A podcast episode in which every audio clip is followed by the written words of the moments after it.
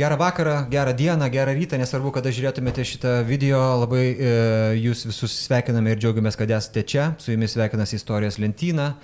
Ir šiandien joje ilgai ir visą mėnesį ir netgi daugiau lauktas svečias Valdas Arkutis. Labas vakaras. Labas vakaras. Tikrai smagu Jūs matyti, e, Valdai. Šiandien kalbėsime apie labai didelį karą. Ispanijos įpėdinystės karą. E, aš galvoju, Kaip čia mums pasiaiškinti mūsų auditorijai, kad mes kalbame apie tuos didelius karus, kurie buvo prieš daug metų, kai didelis karas vyksta pasaulyje? Jie kažkaip susisieja.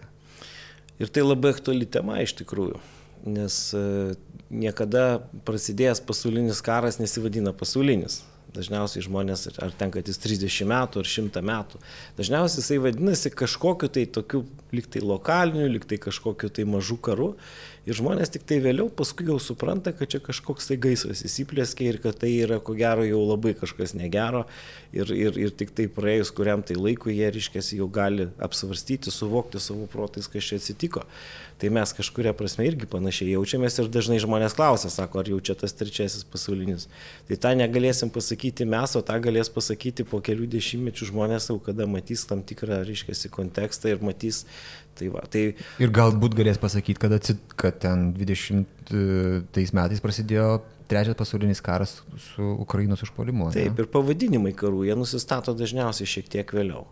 Ir, ir sakykime, šitas karas, apie kurį mes kalbam, tai jisai yra vienas iš karų, kurie vyksta tuo pačiu metu, bet tam tikrose skirtingose teritorijose ir dažnai istorikų paskui yra na, diskutuojama, ar čia yra tas pats karas, ar čia yra kokie tai nepriklausomi. Ir tai yra susitarimo reikalas, juos laikyti vienais ar kitais.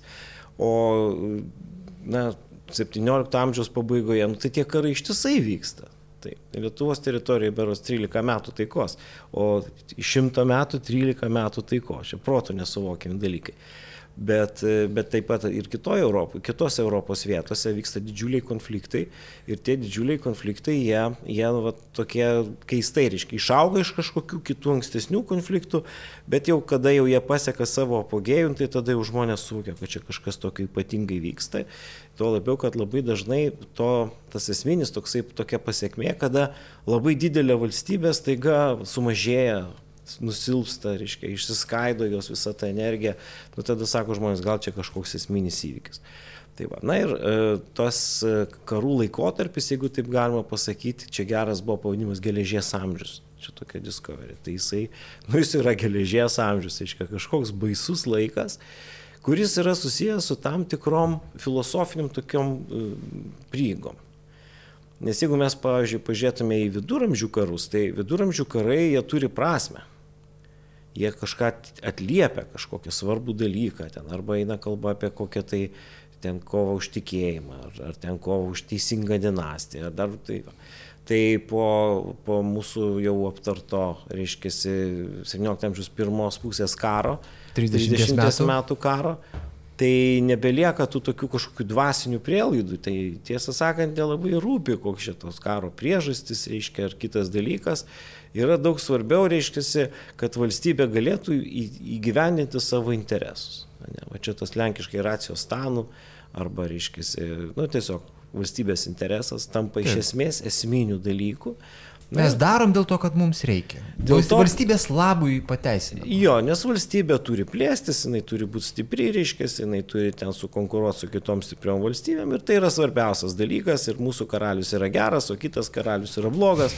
Reiškia, ir šitas toksai suvokimas, jisai iš tikrųjų atveria kelią karams, nes jeigu tas valdovas kažkokiu būdu ten laikosi taikos, jeigu jis nieko neužpuola, jeigu jis nieko neužkariauja, tai koks jisai valdovas, iškėt, kažkas su juo netaip. Tai, tai dėl tos priežasties tų karų tiek daug.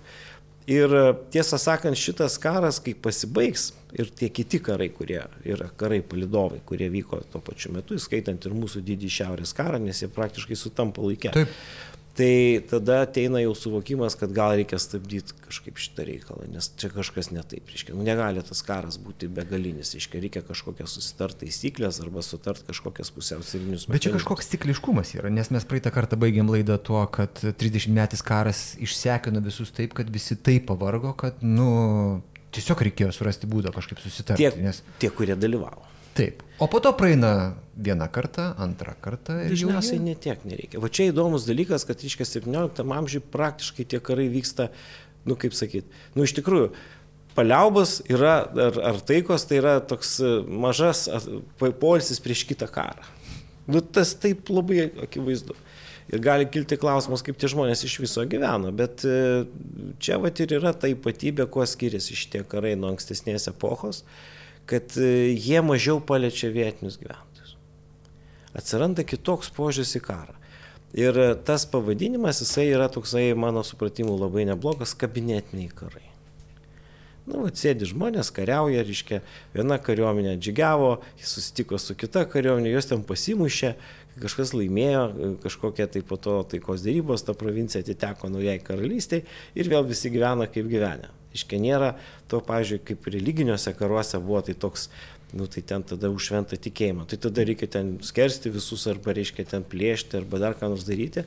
O čia truputėlį kitoks tas karas ir e, kas dėl to savo tokio sudėtingumo ir tokio neiškumo dažnai, ko jie ten mušasi mes nesuvokiam. Pavyzdžiui, Lietuvoje labai būtų sunku išaiškinti paprastam žmogui, kas yra Ispanijos įpėdinystės karas. Taigi mes įmame šitą. Mes šiandien pabandysim. Pabandysim, jo, pabandysim. Bet mums reikės daug įvadų, nes, nes kitaip ne, nesuprasim, reiškia, tam, tam, tam tikrų dalykų.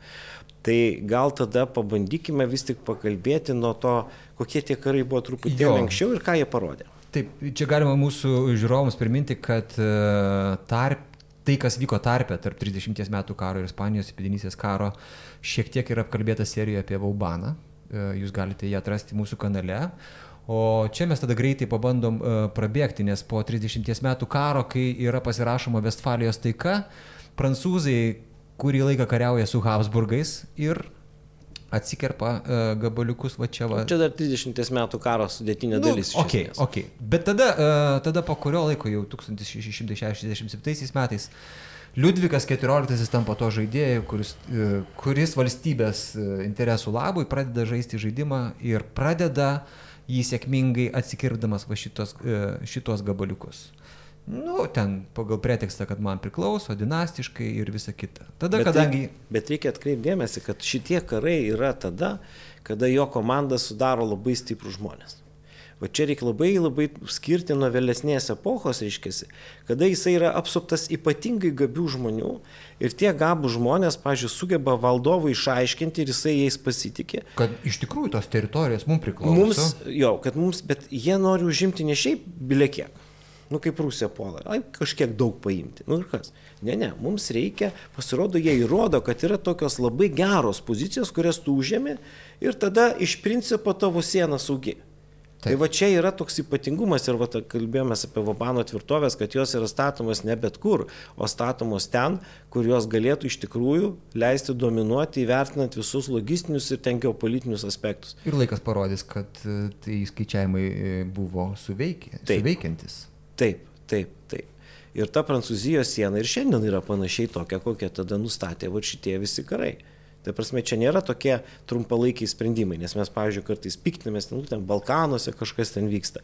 Nu, tai o kaip tiem Balkanam kitaip gyventi, jeigu jie normaliai nepakariavo dėl savo sienų? Ne, nu, reiškia, nėra, jos netikros tos sienos, jos neatsirado jėgų pusiausvėros pagalba, bet jos tiesiog yra todėl, kad tokios yra. Tai dėl to jos yra netikros, reiškia, ir, ir, ir, kelia pavojų.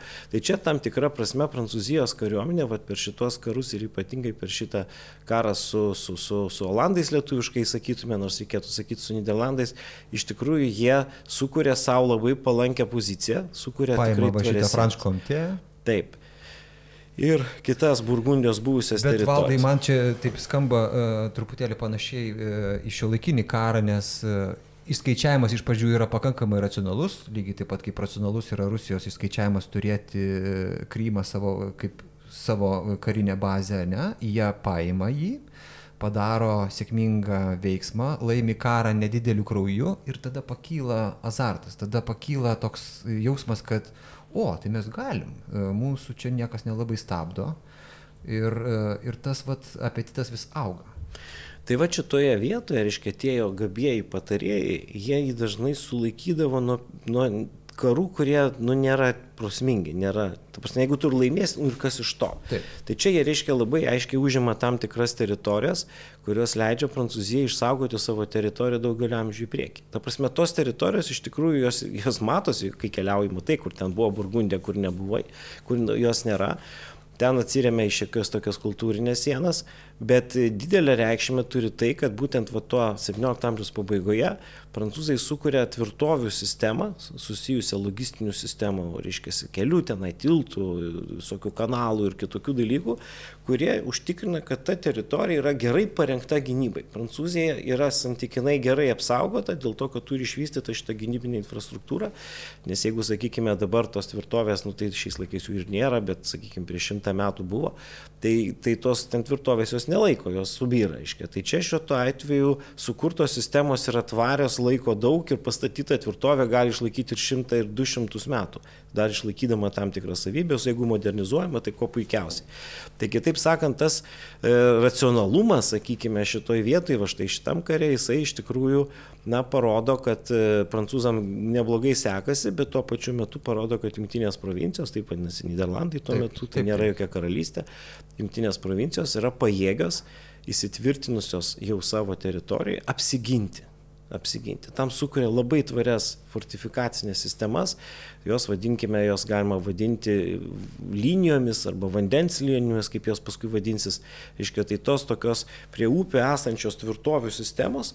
Ir jos taip yra tokios galingos, kad, reiškia, tu jų negali sugriauti. Vieną kitą tvirtovę, aišku, paimi, bet tu įsiveli į, tą, į tas apgultis, logistinė sistema palankesnė Niderlandam negu jų priešam, reiškia, ir, ir tu nieko negali padaryti, ir, ir, ir, ir sulaiko. Tas Bet tas e, Olandų, Niderlandų atsilaikimas tame kare, jis iš esmės sukuria Niderlandus kaip valstybę, nes jisai sutelkia juos. Tuo pačiu pradžioj karo prancūzai taigi, sėkmingai nužygiavo iki beveik Amsterdamo.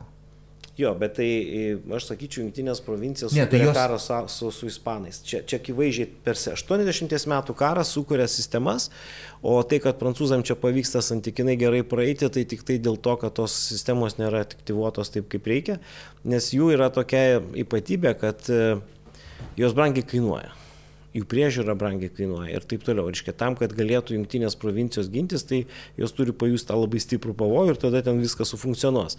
O jeigu ne, tai nebus. Nes šitame kare tai jie turėjo susprogdinti dambas iš viso. Tasme. Tai dambų sprogdinimas yra jų, jų, jų tradicija. Nuo kada? Nu tai nuo karo su, su ispanais, bet, bet reiškia, jie dar iki pat pirmo pasaulinio, iki antro pasaulinio karo naudoja šitą sistemą, tai skaitos jų nacionalinės gynybos, nes tai nėra labai sunku padaryti, kadangi, reiškia, yra žemė žemiau jūros lygio, Taip. Ir yra viskas atskirta tam tikrais kanalais, tai tu juos atidarai, tuos šliuzus tokius ir jinai ten, nu, tris dienos ir už, užpildo žemę ten nedideliu, tarp kitko nedidelio gilio vandeniu, tas vanduo yra maždaug apie, apie 80 cm. Bet. Bet jau per tokį vandenį nieko negali. Ta prasme, sustabdo konkrečiai. Niekur tu ten nenueisi, o ką tu ten nusausinsi kažką, nu tai praktiškai nieko. Tai va šitos sistemos, jos, jie parodė, kad yra efektyvios ir kadangi jos būdavo jau statymo metu planuojamos, tai, tai jos iš esmės ir padarė juos apsaugotus iš, iš sausumos pusės. Bet iš jūros pusės jos turi ginti rimtas laivynas ir čia jų stiprioji pusė ir su Olandais gali susirungti tik tai, tik tai Britai. Bet reikia priminti taip pat, kad e, prancūzai irgi sukuria savo laivyną, vad kaip tik šitais metais, kada vyksta šitie karai, yra sunkiai, bet sukūriamas Prancūzijos laivynas.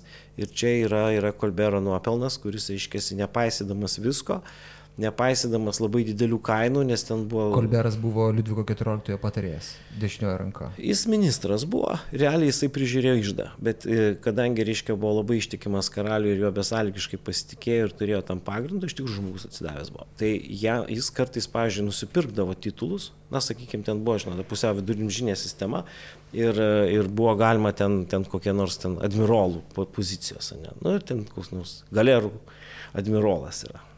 Nu, tai tas galerų admirolas gali nieko neveikti, bet vis tiek yra galerų admirolas, iškia. Tai čia taip atrodė tas laivynas iki, iki Kolbero. Kolberas, ką jisai superka tas pareigybės, už didelius pinigus, tarp kitko, bet kadangi jisai gerai moka tvarkyti su pinigais pasirava pliusinis biudžetas, ir jis superka tos titulus, reiškia. Ten už milijonus livrų, ten, ten, ten kos, kosmosas, reiškia, tos to sumos.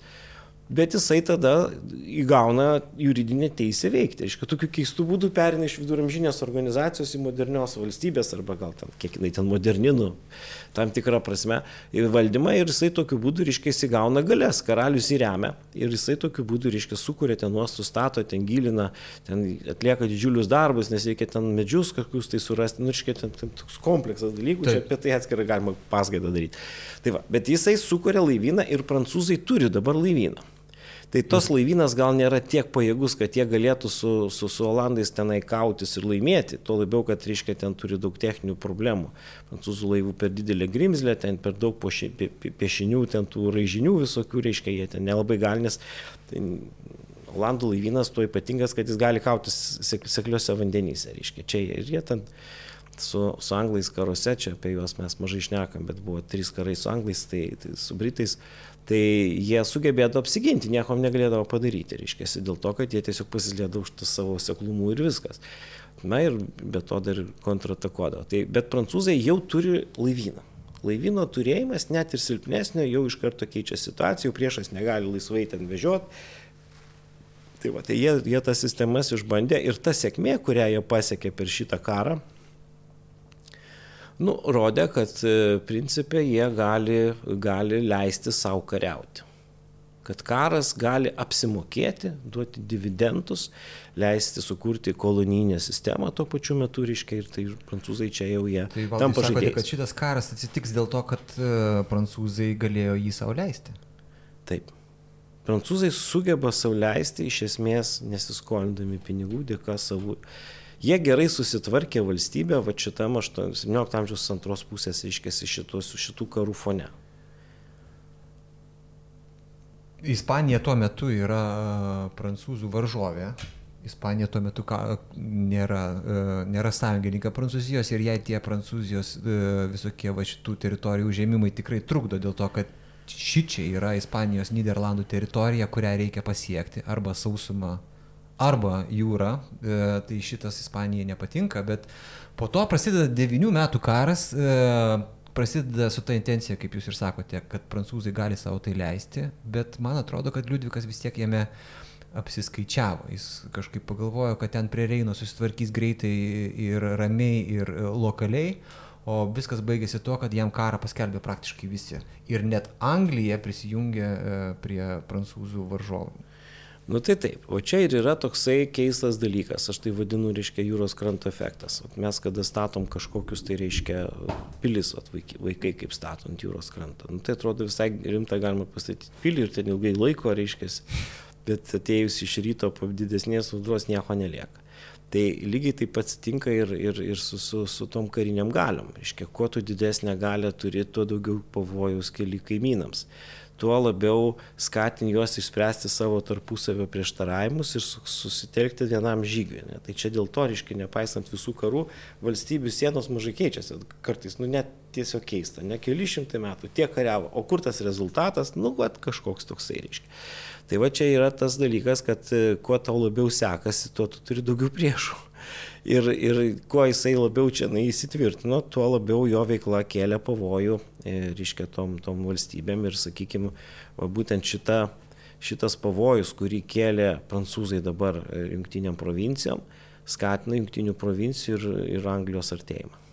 Ir lygiai taip pat jungtinės provincijos pradeda artėti su, su imperija ir ta pati imperija tampa vėl imperija. Iš tų mažų skiautelių jinai, reiškia, tas bendras pavojus skatina ją konsoliduoti jėgas. Nu, ten tiesa ir turkų dar karai vyksta tuo pačiu metu, taigi 1683 metais, reiškia, vienos, vienoje sėdintis imperatorius, reiškia, persirengęs e, kokiu tai ten valstiečių, reiškia, šieno vežime palieka vieną, nes, nes galvoja, kad neatsilaikys tvirtovė. Tai čiagi viskas tam laikė. Tai, tai, va, tai tokia visiškai prasta situacija ir jau va per devynerių metų karą jau mes matom ją vėl veikiančią, vėl, vėl, vėl kariaujančią reiškia ir nors dar yra daug tų tokių neiškių teritorijų, nu, tokia kaip Liežo vyskupo, arkivyskupo, reiškia, e, tos valdos ir kitos dabartinė Belgija esančios teritorijos, jos dar tokios yra neaiškios, reiškia, tokios dar dar, dar, dar tas, sakykime, sen, seno kirpimo tokio dar iki,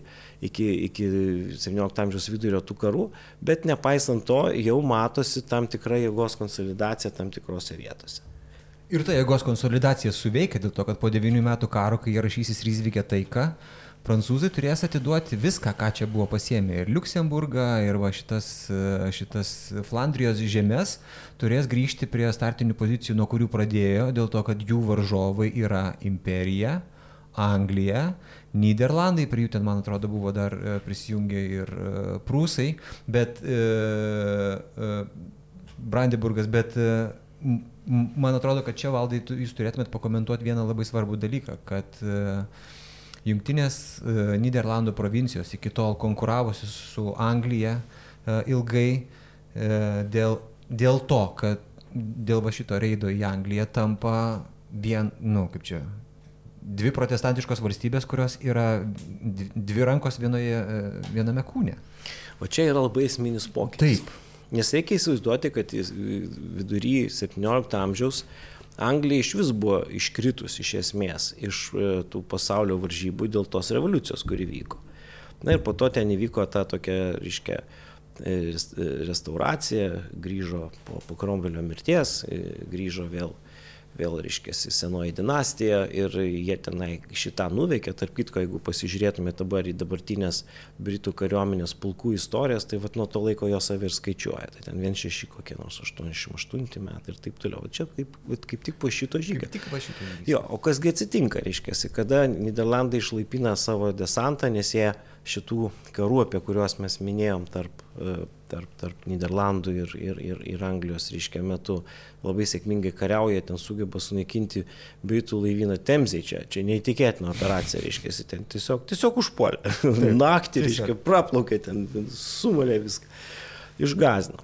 Tai jie pajuto, kad jie gali šitą valstybę jau net ir pulti, e, bet, e, bet šitoj vietoj, vat, po tų tokių pakariavimų, paskui pasidarė aišku, kad gal visai nėra ko ir kariauti, nes jeigu šitas dvi jėgas apjungus į rankas, tai gaunasi visiškas dominavimas jūrai. Susi, atsiranda nauja galinga jėga ir tai nereiškia, kad Niderlandų jungtinės provincijos dinksta kaip valstybė, jinai lieka ir viskas su ją tvarkoja.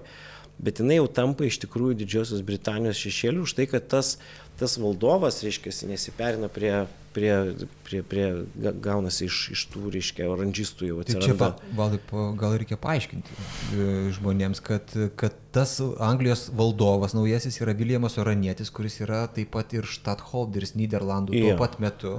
Jo. Jis išsilaipina Anglijoje, jis yra paskelbiamas naujojo karaliumi, pakeičia katalikišką karalių kuris teoriškai buvo draugiškas su e, Taip. Liudviku XIV, dabar Taip. yra protestantiškas karalius. Kuris yra iš Niderlandų ir, nu, va, turim iš karto visą kitą situaciją. Ne? Ir tokiu būdu, reiškia, iš tikrųjų šitas kraštas tampa dominantė. Dominantė ir dominuos, tiesą sakant, ilgą laiko tarpą. Bet kada atsiranda šita jėga, natūraliai jie tampa konkurentai su Prancūzija. Reiškia, ir vieni sustiprėja, ir kiti sustiprėja. Ir atsiranda toks galingas, reiškia, varžybų laukas, kur nei viena, nei kita pusė negali nusileisti, nes vieni yra neįveikiami jūroje, o kiti yra neįveikiami sausumoje. Reiškia, čia kaip panašiai Atenai kariavo su Sparta, reiškia, Atenai turėjo laivyną, o Spartos kariuomenės niekas sausumoje veikti negalėjo. Tai toks apinastris Prancūzijai, ką? Toks, nu, kaip sakant. Nu, kaip apinasris, nu, ne apinasris, tiesiog jie, jie turi peržengti labai daug ribų. Tas pats Prancūzijos laivyno kūrimas yra jau atrakcija, reiškia. Kaip gali prancūzai kurti laivyną? Ir ten susiduria su daugybė problemų, neturi, aš kaip Dunkerkas atrodo, va čia kadangi schema jisai yra, man teko, teko domėtis truputėlį, buvau aš ten nuvykęs tą Dunkerką pasižiūrėti, aišku, nieko ten nelikė, nes ten viskas nukasta buvo. Bet Dunkerke, pažiūrėjau, pastatyti uostą, kuris būtų efektyvus, yra labai sudėtinga, o dar apsaugoti dar sunkiau. Tai, pavyzdžiui, Vobanas yra pastatęs kilometrų ilgio tokios žiotis įtvirtintas. Kilometrų ilgio, aišku, dabar nieko nėra. Kaip gaila, kad nieko nebėra. Nu tai nukasi, pagal taikos. Po šito karo, va ir turės ir nugriauti viską. Jo. Po šito karo, jo, kurio, bet, apie kurį dar nepradėjom kalbėti. Jo. Tai va, tai čia yra tas dalykas, tai reiškia, kad mes turime įsivaizduoti, kokios buvo didžiulės investicijos, kad tu galėtum ateiti jau varžytis šitoje erdvėje, bet kuo labiau prancūzai čia stiprėja, tuo daugiau sulaukia priešiškumo, nes šiaip iš principo, kada vyko Niderlandų karai su Anglija, tai jam Prancūzija nebuvo priešas. Nu, ta prasme, ne, ne, netrukdė jiems. Čia gal dėl to ir jie galėjo taip, tą padaryti. Taip. taip. Nu, bet kada jau jie puola Niderlandus, nu, tai tada jau ta situacija prastėja. Tai vat, labai svarbu prieš kažką puolant labai gerai pasverti ar verta. Nes tu gali puldamas prisidaryti savo tiek problemų, taip kaip dabar Rusija prisidarė Ukrainai. Ir tiesą sakant, laimėdama karą, jinai neaišku, ką būtų laimėjus, O vat, pralošti, tai pralošti gali daug. Tai vat, tai panašiai atsitiko ir šitoj, šitoj vietoje. Ir, ir tam tikrą prasme tas toks nevaržomas apetitas, imperializmas, noras išplėsti savo e, valdas, jisai dažnai ir įveldo valstybės įvairias problemas. Nes dažniausiai kodėl jie tą pradėjo daryti? Nu, dalinai dėl to, kad atgauti kažką turėtų, bet dažnai ir dėl to, kad, reiškia, susisuka galva. Vat mums pavyko padaryti, tą padarėm, tai padarysim ir čia. Gerai, čia tiesiog Vilėjimas Oranietis, apie kurį buvo uh, mažas pasažas, bet kaip tik dabar apie tas galvos susisukimus mes galėsim pakalbėti, nes po truputėlį, po truputėlį artėjom prie mūsų pagrindinio karo ir čia yra Ispanijos imperijos vaizdas, taip atrodo. Ispanijos imperija šito karo išvakarėse, nu, galingai taip, ne? Tai va čia visas žavesys yra tame, kad atrodo labai galingai, bet visiškai neefektyviai. Vat kur yra didžiulė problema? Kada valstybė, neturėdama rimtos konkurencijos, užima labai didelius plotus, nu taip, užimti jiem reikia kariauti su vietiniais gyventojais, kiek jau jie ten priešinasi, nu tai su jais ten priešinasi. Bet kada, reiškia, jau atsiranda konkuruojančios firmos, jeigu taip galima pasakyti, tada reikia kažkokiu būdu apginti tas žemės. Dabar pasižiūrėkime mes, pavyzdžiui, Šiaurės, e, Šiaurės Amerikos e, žemėlapį pažymėta geltona spalva. Nu ką mes čia matom? Vicekaralystė. Nu tai vicekaralystė, iš kurios ten kažkada atsiras Meksika. Taigi žiūrėkit, čia beveik pusė Junktinių Amerikos valstijų. Nu gerai, fiziškai, kiek žmonių reikia, kad užvaldyti tokią teritoriją, apsaugoti visus uostus, ištirti upes, tai realiai yra piešinys. Tai dargi, dargi šitose teritorijose, kai čia buvę išmirė, jie veža vergus, juos perka iš portugalų, po to iš prancūzų, po to iš anglų, perka juos tam, kad būtų kas e, dirba. Kad, kad ten. ten dirba, bet reiškia, o apsauga kokia. Tai čia vat yra toksai, reiškia, ir nu, pasakysiu skaičių, kuris, nu, kuris iš, išverčia iš koto, mhm. reiškia. Kada prancūzai jau perima valdymą Ispanijos, nu tiksliau jų dinastiją, nu, padaro žmonės inventorizaciją. Tai kuo disponuoja šitą imperiją? 17 tūkstančių pėsninkų ir 20 laivų. Užkariavo pusę žemynų. Ta prasme, jisai užkariavo, tai užkariavo, bet išlaikyti, iš kokių pinigų. Ir, ir va šitas klausimas, kas atsitinka su Ispanijos imperija, yra toksai, kad jie plečiasi dėl to, kad neturi konkurencijos ilgą laiko tarpą, jie stengiasi plėstis į plotį, bet ne į gilį. Jų visur paviršiai yra, reiškia. Na, nu, pavyzdžiui, Man čia teko pasižiūrėti, kaip atrodo ten kokie nors e, Kanarų salos, ne, kurios yra labai esminės, nes plaukiant iš Ispanijos, pavyzdžiui, į tą pačią naują pasaulį, tai reikia plaukti per tą salą. Tai ten ilgą laiką juos galėjo puldinėti kokie nors uh, anglų piratai ir, ir ten, nu tai ką, ten porą tų fortų stovi, reiškia, ten įsivaizduoju, šimtas kareivių gal yra ten juose. Ir visa sistema. Nėra žmonių. Tik Sidabro konvojui rimta apsauga, ne? Nu, bet irgi nerimta, juos perima tos konvojus, iškia, auksos tą veža, tai atveža. Bet ką jie blogai daro? Jie neinvestuoja į pramonę, jie neinvestuoja į tai, kas turėtų paskui išliekamąją galę, bet tik tai tiek investuoja, kad užtikrinti šitą funkciją, kad tas auksas ir pripranta prie to, kad kaip Rusija priklauso nuo dujų. Jo, prie naftos, prie dujų, reiškia prisirišę. Jie nieko daugiau nedaro. Jie daugiau nieko nedaro. Jie stato gražias bažnyčias, taip. Jie tenai vienuolynų stato, reiškia viskas tvarkoja, gražiai atrodo. Bet realiai, reiškia, jiems reikia labai didžiulių investicijų į šitokius plotus, tų investicijų užtikrinti jie negali. Ir tokia ta imperija, jinai tokia, kaip sakykime, nu, toksai milžinas ant molinių kojų. Jisai nėra efektyvus, o dar kadangi, reiškia, dėl to įsivėlė į visokius karus ir, ir, ir ten turėjo dar visokių problemų vidinių, tai realiai visas tas daiktas yra ant lėkštutės padėtas grobis. Va, kas čia. Klausimas tik, tai kas ateis. Kas paims, lėkštutės. kas paims, bet tas, kas paims, susidurs vėl su tą pačią problemą. Ta prasme, na, čia dar vieną tokį palyginimą gal padarysiu. Karolis V, kada jisai tapo, reiškia, na, imperatorium, kuris valdė pusę pasaulio. Ir Ispaniją, ir, ir Austriją, ir viską. Tai jisai gebdikavo. 1555 metais. Kodėl jisai abdikavo? Neįmanoma priepti su tų laikų logistika, jisai laksti iš vieno krašto į kitą, iš vieno, reiškia, parlamento į kitą ir jis gal gali sako, vėliau, čia nesąmonė. Nu, neįmanoma tą padaryti. Vaikam išdalino, nu, paskui nes nepripitų to. Tai tas pas ir čia, nu, tai kas iš to, jeigu tau pasiunčia laivais vieną kartą per metus atplaukia į uostą, tai čia kas? Tai tie ten vietiniai gyvena, nu tai jam gerai, kad tas karalius yra, reiškia, jie ten kažkaip tai, bet iš tikrųjų taigi neužtikrina to valdymo. Reikia, reikia ne tik tai norėti, ne tik turėti gali, tą teisę, bet turėti galimybės tą viską užvaldyti. Taip Ispanija net paėgė to padaryti. Iš tikrųjų jos valdžia yra tik tam tikruose taškuose. Ir Ispanija turi dinastinę problemą. Miršta jų e, karalius tuometinis, e, kuris yra labai labai lygotas. Ir nelabai tinkamai atlieka savo pareigas ir neturi nei vaikų, nei brolių. E, ir va čia va yra įpėdinystės klausimas, kas užims sostą. Tarp kitko, Ispanijos įpėdinystės karas yra pirmasis, bet ne paskutinysis įpėdinystės karas. Įpėdinystės karas. Bus Austrijos, bus Lenkijos įpėdinystės karas, Taip. apie kurį mažai žinom. Tiesą sakant, kuriame Lietuva dalyvavo, gal ten nelabai ženkliai. Prancūzai mūsų pusėje. Jo, tai tie įpėdinystės karai dabar mes turime, kadangi iš vis mūsų ciklo tai tas, ta tema Taip. yra absoliutizmas, reiškia, tai vad pakalbėkime apie šitą suvokimą. Šiaip čia visais viduramžiais buvo problemos su tais valdovais, kurie išmirdavo. Bet jie, e, kada, reiškia, išmirdavo, tai jie e, ne, pat, ne labai pakeisdavo tą visą tvarką, kadangi kraštai turėdavo savo luomenės kažkokias privilegijas, miestai ten turėdavo, nu, tai numirė tas karalius, nu, tai tie jau visi luomai tenai, miestai ir kiti priklausiniai, kokie ten yra, reiškia, jie remdavo tiek naują karalių, kiek jūs užtikrindavo tesinį tų jų privilegijų. Ir tokiu būdu kaip ir karaliai savo gyvena, o ten tie miestai ir visi kiti savo gyvena. Ir niekas labai nesikeičia. Čia vat, geriausias pavyzdys Flandrija, kur, reiškia, ten ta priklausomybė jų keičiasi, jų ten privilegijos nesikeičia. Jie kaip gyveno, taip gyvena, jis laiką sumoka dalį pinigų, reiškia, valdovui ir, ir tvarkoja. Bet absoliutiniai monarchijai Taigi tos luominės e, privilegijos traukiasi. Reiškia, valstybė specialiai per savo biurokratinį mechanizmą, reiškia, per kitokius dalykus, jinai užvaldo realiai jau labai tą esminį viešąjį sektorių, jisai tampa labai reikšmingas. Ir jeigu tas karalius iš esmės, reiškia, va, pasibaigė tą dinastiją, tai tada, tai tada čia jau nebėra taip, kad mes gyvensim toliau po senovę ir mums nelabai rūpi kas viršui, nes jeigu ateis prancūzai bus vienaip, jeigu ateis anglai, ten britai kitaip, reiškia, ten dar kas nors atsitiks. Kitaip sakant, kuo stipresnė yra karaliaus valdžia, tuo skaudesnė yra šita, na, pasibaigusios dinastijos problema. Va, kadangi Ispanija yra didelė imperija tuo metu, tai didelė ir problema.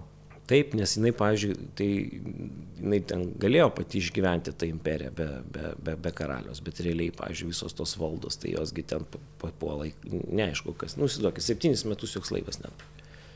Nes čia neaišku. Septynis metus jo laivas neplaukė. Jo, va čia da, dažnas dalykas. Paskui mes jau turėjom Napoleono laikais jau, reiškia, šitas problemas ir, ir, jo, ir tai privedė prie nepriklausomybės kovų, reiškia, įvairių tų šalių. Nesako, nu čia kažkokia nesąmonė, nu mes labai mylim tą karalių, nu, bet jeigu jo nėra, arba jeigu jo vietoj neaišku kas, Tai ką mums daryti? Tai gal mes tada patys čia ką nors darysim, bet labai dažnai jie patys negalėdavo išgyventi. Tos kolonijos buvo priklausomos. Nu, tai gal tokiais labai neaiškiais saitais, bet, pavyzdžiui, tam valdančiam elitui reikėjo kažkur siūsti savo vaikus mokytis, nu, kad funkcionuotų ten kokie universitetai, nu, kad jie išlaikytų ryšį su ta savo, reiškia, metropolis. Tai kažkiek turi jie judėti, keliauti. Tai kada nutrūksta va šitie visus, tai, tai ta prasme yra bėda didelė, o kadangi valstybė gyvena didžia dalimi iš Amerikos gautų, gautų reiškia, tų, tų gerybių, nes daugiau gyveno iš tikrųjų iš, iš Niderlandų gyveno, iš tų, iš tų ispaniškų Niderlandų. Tai ta valstybė dar patenka ir baisę finansinę krizę, reiškia, nėra iš ko gyventi, nes tos visos yes. kitos teritorijos jūs tai nieko labai neduoda. Nes Ispanijos Niderlandai elgesi kitaip negu Ispanijos žemyninė, ne?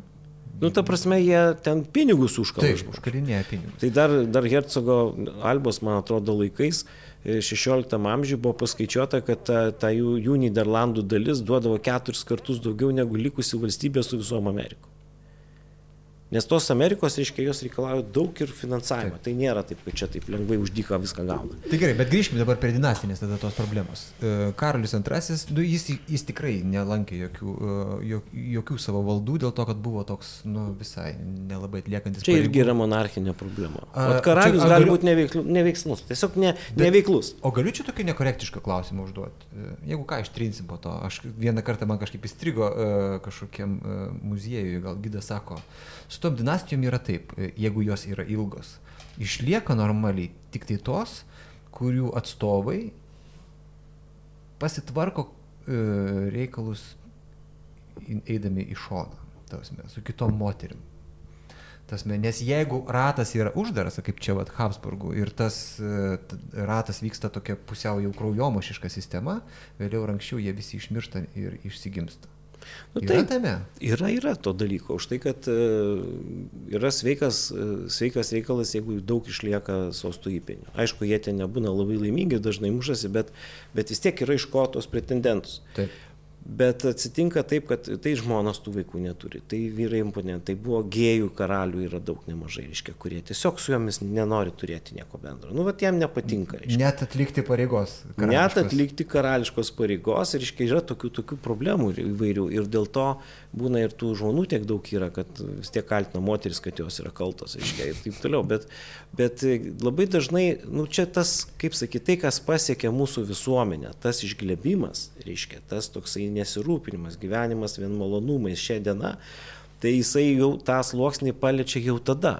Jie turi tokias išskirtinės sąlygas, kad jie gali, ypatingai jeigu ten aplinkui yra kokie nors valdiniai, kurie rūpinasi valstybė, kad tiesiog atsipalaiduoja. Gyvena savo malonumai. Čia kažkoks, žinokit, universalus gamtos principas, ne? Yra. Taip, taip, Tas, taip, kuo, taip. kuo žmogui geriau, tuo viskas eina blogyn, kuo žmogui sudėtingiau, tuo jisai tampa atsparesnis, bet kokiom sąlygom. Tai va tam tikra prasme tie karai priversdavo tuos karalius, reiškia, neatsipalaiduoti. Ir jeigu jie patekdavo į tuos karus, tai jie ne tik tai, reiškia, ten turėdavo suktis, kaip sakant, bet tai skatindavo ir jų vaikus, ir visus kitus išlaikyti tokį sveiką balansą. Bet jeigu taip gali, yra koks nors maitinimo kanalas, taip kaip Ispanijos karalystė turi tą, tą, tą tarsi pigų atplaukimą, reiškia, tų visų, nu, pinigai platinti. Pinigų, bet, Jo. bet Tai pinigai... tada gali nieko nedaryti. Va tas nieko nedarimas, jisai reiškia priveda vat, prie, arba nedarimas iš esmės daug visko, Prie stagnacijos. prie stagnacijos. Taip kaip Lietuvoje Augusto trečiojo laikais. Lygiai tas pats. Niekas iš esmės nevyksta. Gerai, tai o dinastinė problema kokia? Čia yra Karolis II, jis neturi įpėdinių e, ir jo tetos yra iš vienos pusės, viena yra Habsburgė, iš kitos ištekėjusi už e, Habsburgų imperatorius, kita teta ištekėjo už Liudviko XIII, tai yra už Liudviko XIV Tėvo. Burbonų, ką? Taip. Tėvo, tai yra Burbonų dinastija ir vadinasi tiek Burbonai, tiek Habsburgai visiškai lygiai vertiškai pretenduoja į šitą vietą. Dėl to, kad Taip. vienintelis galbūt labiau vertas kandidatas, uh, Juozapas Ferdinandas, numiršta ir baigėsi ten ta diskusija. Nu tai taip, tai žinot, tokiam, kaip sakyt, kai reikia paimti kokią nors teritoriją ar ką nors padaryti, tai tam yra visas mokslo pasaulis. reiškia. Reikia sugalvoti pretekstą. Tai gal kartais nereikia sugalvoti, gal reikia tiesiog surinkti duomenis. Iškia. Tai čia dar labai didelis disputas buvo tarp, tarp sakykime, tarp Austrijos ir Prancūzijos, jeigu taip galima ją vadinti, nes žodis Austrija, tarp kitko, yra gana naujas. Vokiečių imperija dar formaliai taip jinai vadinasi, bet jau 17 amžiaus antroji pusė jau jinai yra vadinama Austrija. Tokia išnekamoji kalba. Taip, taip, taip. taip. Tai yra Austrija, nes tai yra rytinės vokiečių žemės, reiškia, jinai kaip ir vadovauja dažniausiai tie Austrijos valdovai yra kartu ir imperatoriai, bet nebūtinai, reiškia, tai, tai, tai, va, tai jie natūraliai išnaudos bet kokią progą, kadangi, reiškia, yra klausimas neaiškus, tai čia gaunasi lygiai verčias pozicijos. Nėra e, viršenybės ne vienos pusės. Nu, jie, viena ir kita Teisiškai. pusė gali atrasti teisinių argumentų prieš kitą pusę ir tokiu būdu tas disputas netveda prie jokio rezultato, nes nėra tokio autoriteto, kuris galėtų nuspręsti. Kaip ir popiežius galėtų nuspręsti, bet tuo metu jie tikrai tokio svarbaus klausimo popiežiui nepalika. Jau nebe viduramžiai. Yra jau kitas požiūris, iškesi. O Tai- tuo labiau, kad tas pats popiežius turi savo interesus ir yra tam savo valstybės valdovas. Tai čia šitoje vietoje reiškia, reikia suprasti, kad nebe, nebesant tų didžiųjų autoritetų, taip kaip buvo seniau, iš esmės Prancūzijos karalius ir, ir šitas imperatorius yra lygiai vertai pozicijų. Tai gerai, tai, e, tai Austrija arba Habsburgų monarchija skelbė Ispanijos karaliumi savo karalį. E, Liudvikas XIV paskelbė Ispanijos karaliumi Pilypą, savo anūką, ir Ispanija priima Pilypą kaip karalių. Iš tikrųjų jį priima, tikėdamasi, kad prancūzų gale atstatys e, Ispanijos galę. Bet karas po to vis tiek atsitinka. Kodėl jisai atsitinka? Nu, tai, Nes jie- Anglija irgi iš pradžių tarsi palaimino va šitą sprendimą. Tik sutarimas yra, kad negalima sujungti Prancūzijos ir Ispanijos sostų jokių būdų, nes tokiu atveju jau, jau būtų, e, nu, pernelik stipri šita kombinacija. Taip. Todėl, kad jie, reiškia, jie iš principo negalėjo tam labai prieštarauti, nes čia kaip ir Ispanijos, ten nežinau, kortesų, reiškia, klausimas yra, nu, jiegi turi irgi savo numatę teisę tokius klausimus ir kaip jie nusprendžia, taip yra. Ir jie dėl to neprieštarauja, nes vis tik tą monarchinę teisę visi stengiasi palaikyti ir tie įstatymai yra svarbus. Numiręs tas imperatorius pasirašė. Čia iš tikrųjų Ispanijos reikalas yra, ką jie priims savo numiręs, numiręs imperatorius paskutinį, paskutinę savo valią užrašė šitą sostą vis dėlto prancūzų. Jo, nu tai čia yra, jo, čia yra rimtas daiktas, bet dabar ką jie mato, reiškia, jie mato, kad jeigu apsijungtų šitos sistemos ir jeigu, sakykime, jau nebe ispanai valdytų ispanų žemės, bet prancūzijos ten Liudvikas XIV per savo ministrus, jeigu jis ten prasisuktų, nu tai tikėtina, kad ten daug kas pasikeis ir naujajam pasauliu, reiškia, ir tada tam jau dominuojančiai tai padėčiai, kurioje buvo, buvo tuo metu, reiškia, Anglija, Kyla grėsmė. Kyla grėsmė. Ir tai, kad jinai dabar susijungia su Niderlandais, iškai jie dabar jau čia pretenduoja į pirmą numerį, o čia dabar atsiranda kitas pirmas numeris ir dar neaišku, kas paims viršų, nes jų, e, sakykime, ryšiai su Niderlandais, nu, vis tiek ten tie prieštaravimai yra akivaizdus tų abiejų kraštų. Nu, jie konkuruoja vienas su kitu tuose pačiuose teritorijose. Nugi, e, kaip vadinasi New Yorkas, pirmasis pavadinimas. Nuėsis Amsterdamas. Nu, tai, tai čia ką tai reiškia? Tai, tai reiškia vieni iš kitų atima ir vieni su kitais jie konkuruoja. Nes bendrai, reiškia, Niderlandų kultūroje dominuoja konkurencinė kultūra.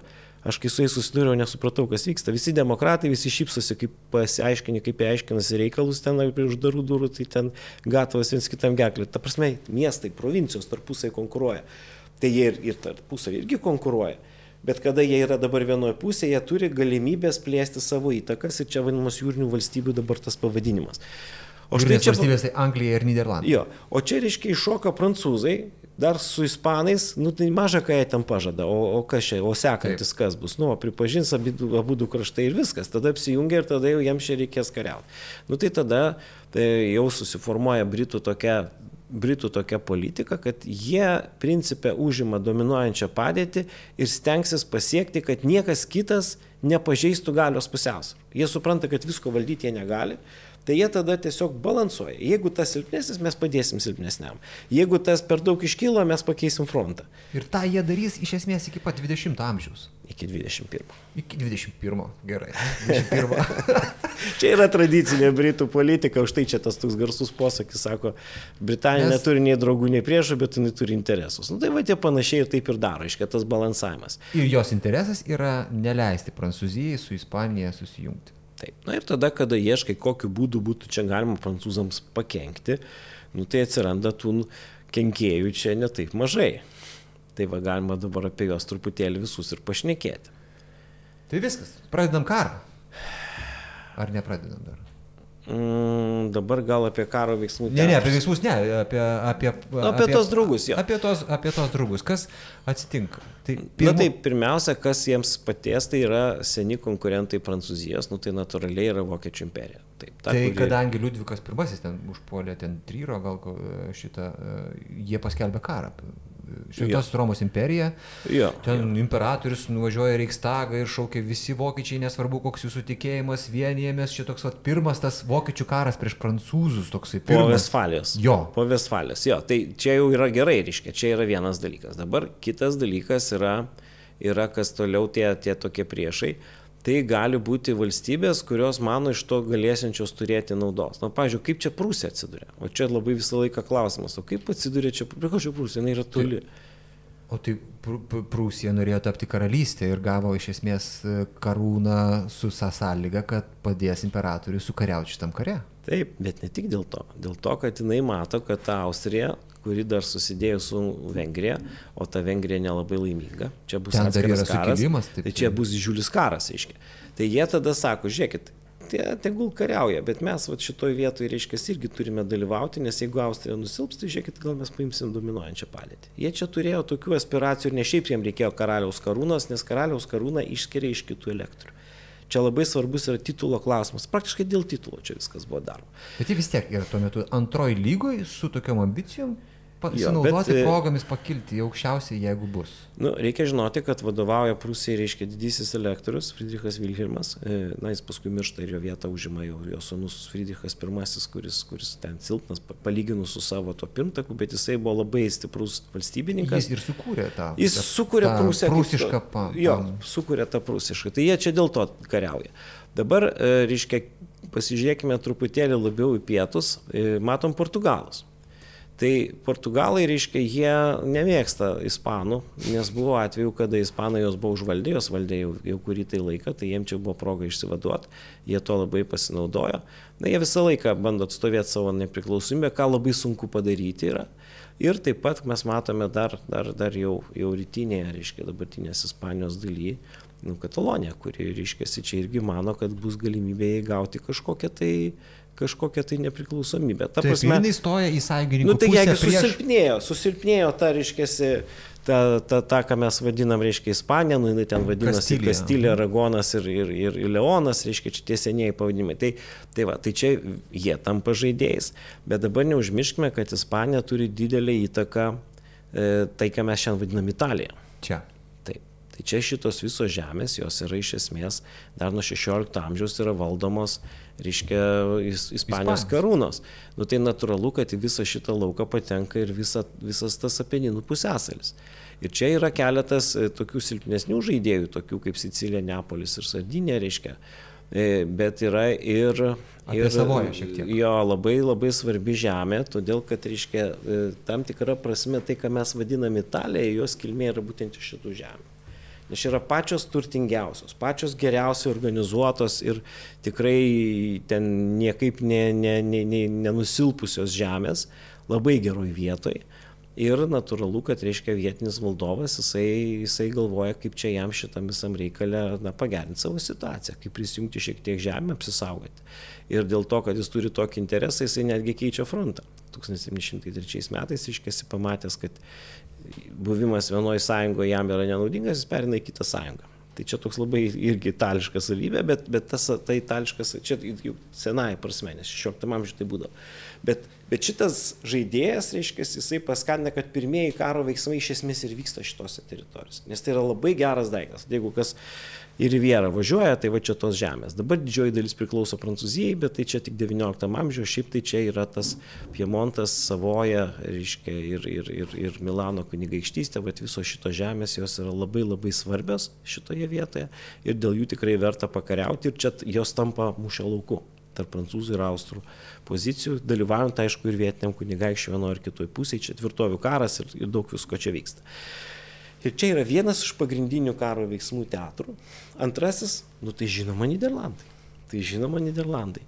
Jie čia šitoje vietoje veikia. Na ir, pradžioj karo dar yra vienas toksai. Nes čia yra gabaliukas Ispanijos, Niderlandai. Dar vienas yra, kadangi e, vis tik tai Prancūzija e, į Ispanijas ateina per bavariškąją liniją dar. Čia, čia va, ta vienoje schemoje matėsi tas daiktas. Iš tai Bavarija šiuo atveju yra prancūzų pusėje. Taip. Tai čia jau yra labai rimtas iššūkis Vokietijos imperijoje, nes Bavarija yra labai svarbi žemė. Tarp kito, Bavarija visą laiką blaškėsi tarp Ispanijos ir Vokietijos ir čia, čia jos tas buvimas nėra kažkiek tai keistas. Bet jinai yra katalikiška. Jinai yra katalikiška. Tai be jokios abejonės. Kaip reiškia. ir Prancūzija. Bet šiam kare jau tai nesvarbu, nebesvarbu. jau nebesvarbu. Jau nebesvarbu. Tai ką reikia Britam padaryti? Jiem dabar reikia padaryti, kad iš viso šito atskiros kakofonijos tų visų klavišų gautųsi kokia tai vieninga melodija. Ko tam reikia? Smulkmenus, pinigų. Dabar su tais pinigais, čia labai esminis dalykas. Reikalas tas, kad tuo metu nuolatinės kariuomenės reikalauja didelių pinigų, nes algas reikia mokėti visiems, be algų niekas nedirba. Jeigu nori nusamdyti gerą karo vadą, reikia jam kažką tai rimto pažadėti. Jeigu karas užtruko, reikia kažkokių tai šaltinių, kurie leistų užtikrinti finansavimą ilgą laiko tarpą. Mesgi dabar matom, kas Ukraina vyksta. Čia problema. Kas finansuos karą? Be, be, be, be pinigų nieko nevyksta. Tai tada reiškia, ir čia vat, Didžioji Britanija, dėka savo jau sukurtos jūrinės imperijos, jinai turi išimtinę gerą padėtį. Nors jos Užjūrinės valdos dar tuo metu labai nedidelės, bet jos daug geriau organizuotos ir duoda daug didesnę naudą, jie sukuria specialią ekonomiką, kuri išnaudoja koloninę sistemą ir gali finansuoti šitą karą, paremdama pinigais ir tokiu būdu priversdami visus dirbti jiems naudingą linkmę. Kita valstybė, kuri gali tą patį padaryti, yra Prancūzija. Visos kitos yra žaidėjos, be pinigų nieko negali. E, Anglija yra tuometinė Amerika, sakykime taip, ne? Tosme, jeigu, pavyzdžiui, amerikiečiai pasakytų, kad mes kad mes e, Ukrainai nebepadedam, ukrainiečiai nebegalėtų tęsti, tęsti savo karą. Na, nu, kažkiek. Reiškia. Kažkiek. Bet Lygiai tas... taip pat, kaip jeigu Anglija būtų pasakiusi, kad mes čia nesikišam, tame kare viskas būtų kitaip. Jo, tai čia pinigai vaidina didelį vaidmenį, nes be jų kariauti nebegalima, čia nebe viduramžiai, kada tenai riteris už savo pinigus apsišarvavęs, iškia dėl titulo kariauja. Čia yra kiti dalykai, be pinigų niekas nevyksta. Nu tai dabar jau kalbėsim apie karą. Tai gal einam prie jo. Gal apie karą. Aš dabar padarysiu vieną uh, ne, ne visiems patiksintį dalyką ir pasakysiu, kad e, šitoje vietoje mes baigėme transliaciją visiems uh, neprenumeratoriams, kurie tiesiog žiūri laisvai šitą YouTube transliaciją. Ir antrąją dalį paliksime tik tai tiems, kurie yra mūsų prenumeratoriai ir kurie mūsų kanalą palaiko. Ačiū visiems, kurie tai daro ir ačiū už supratimą.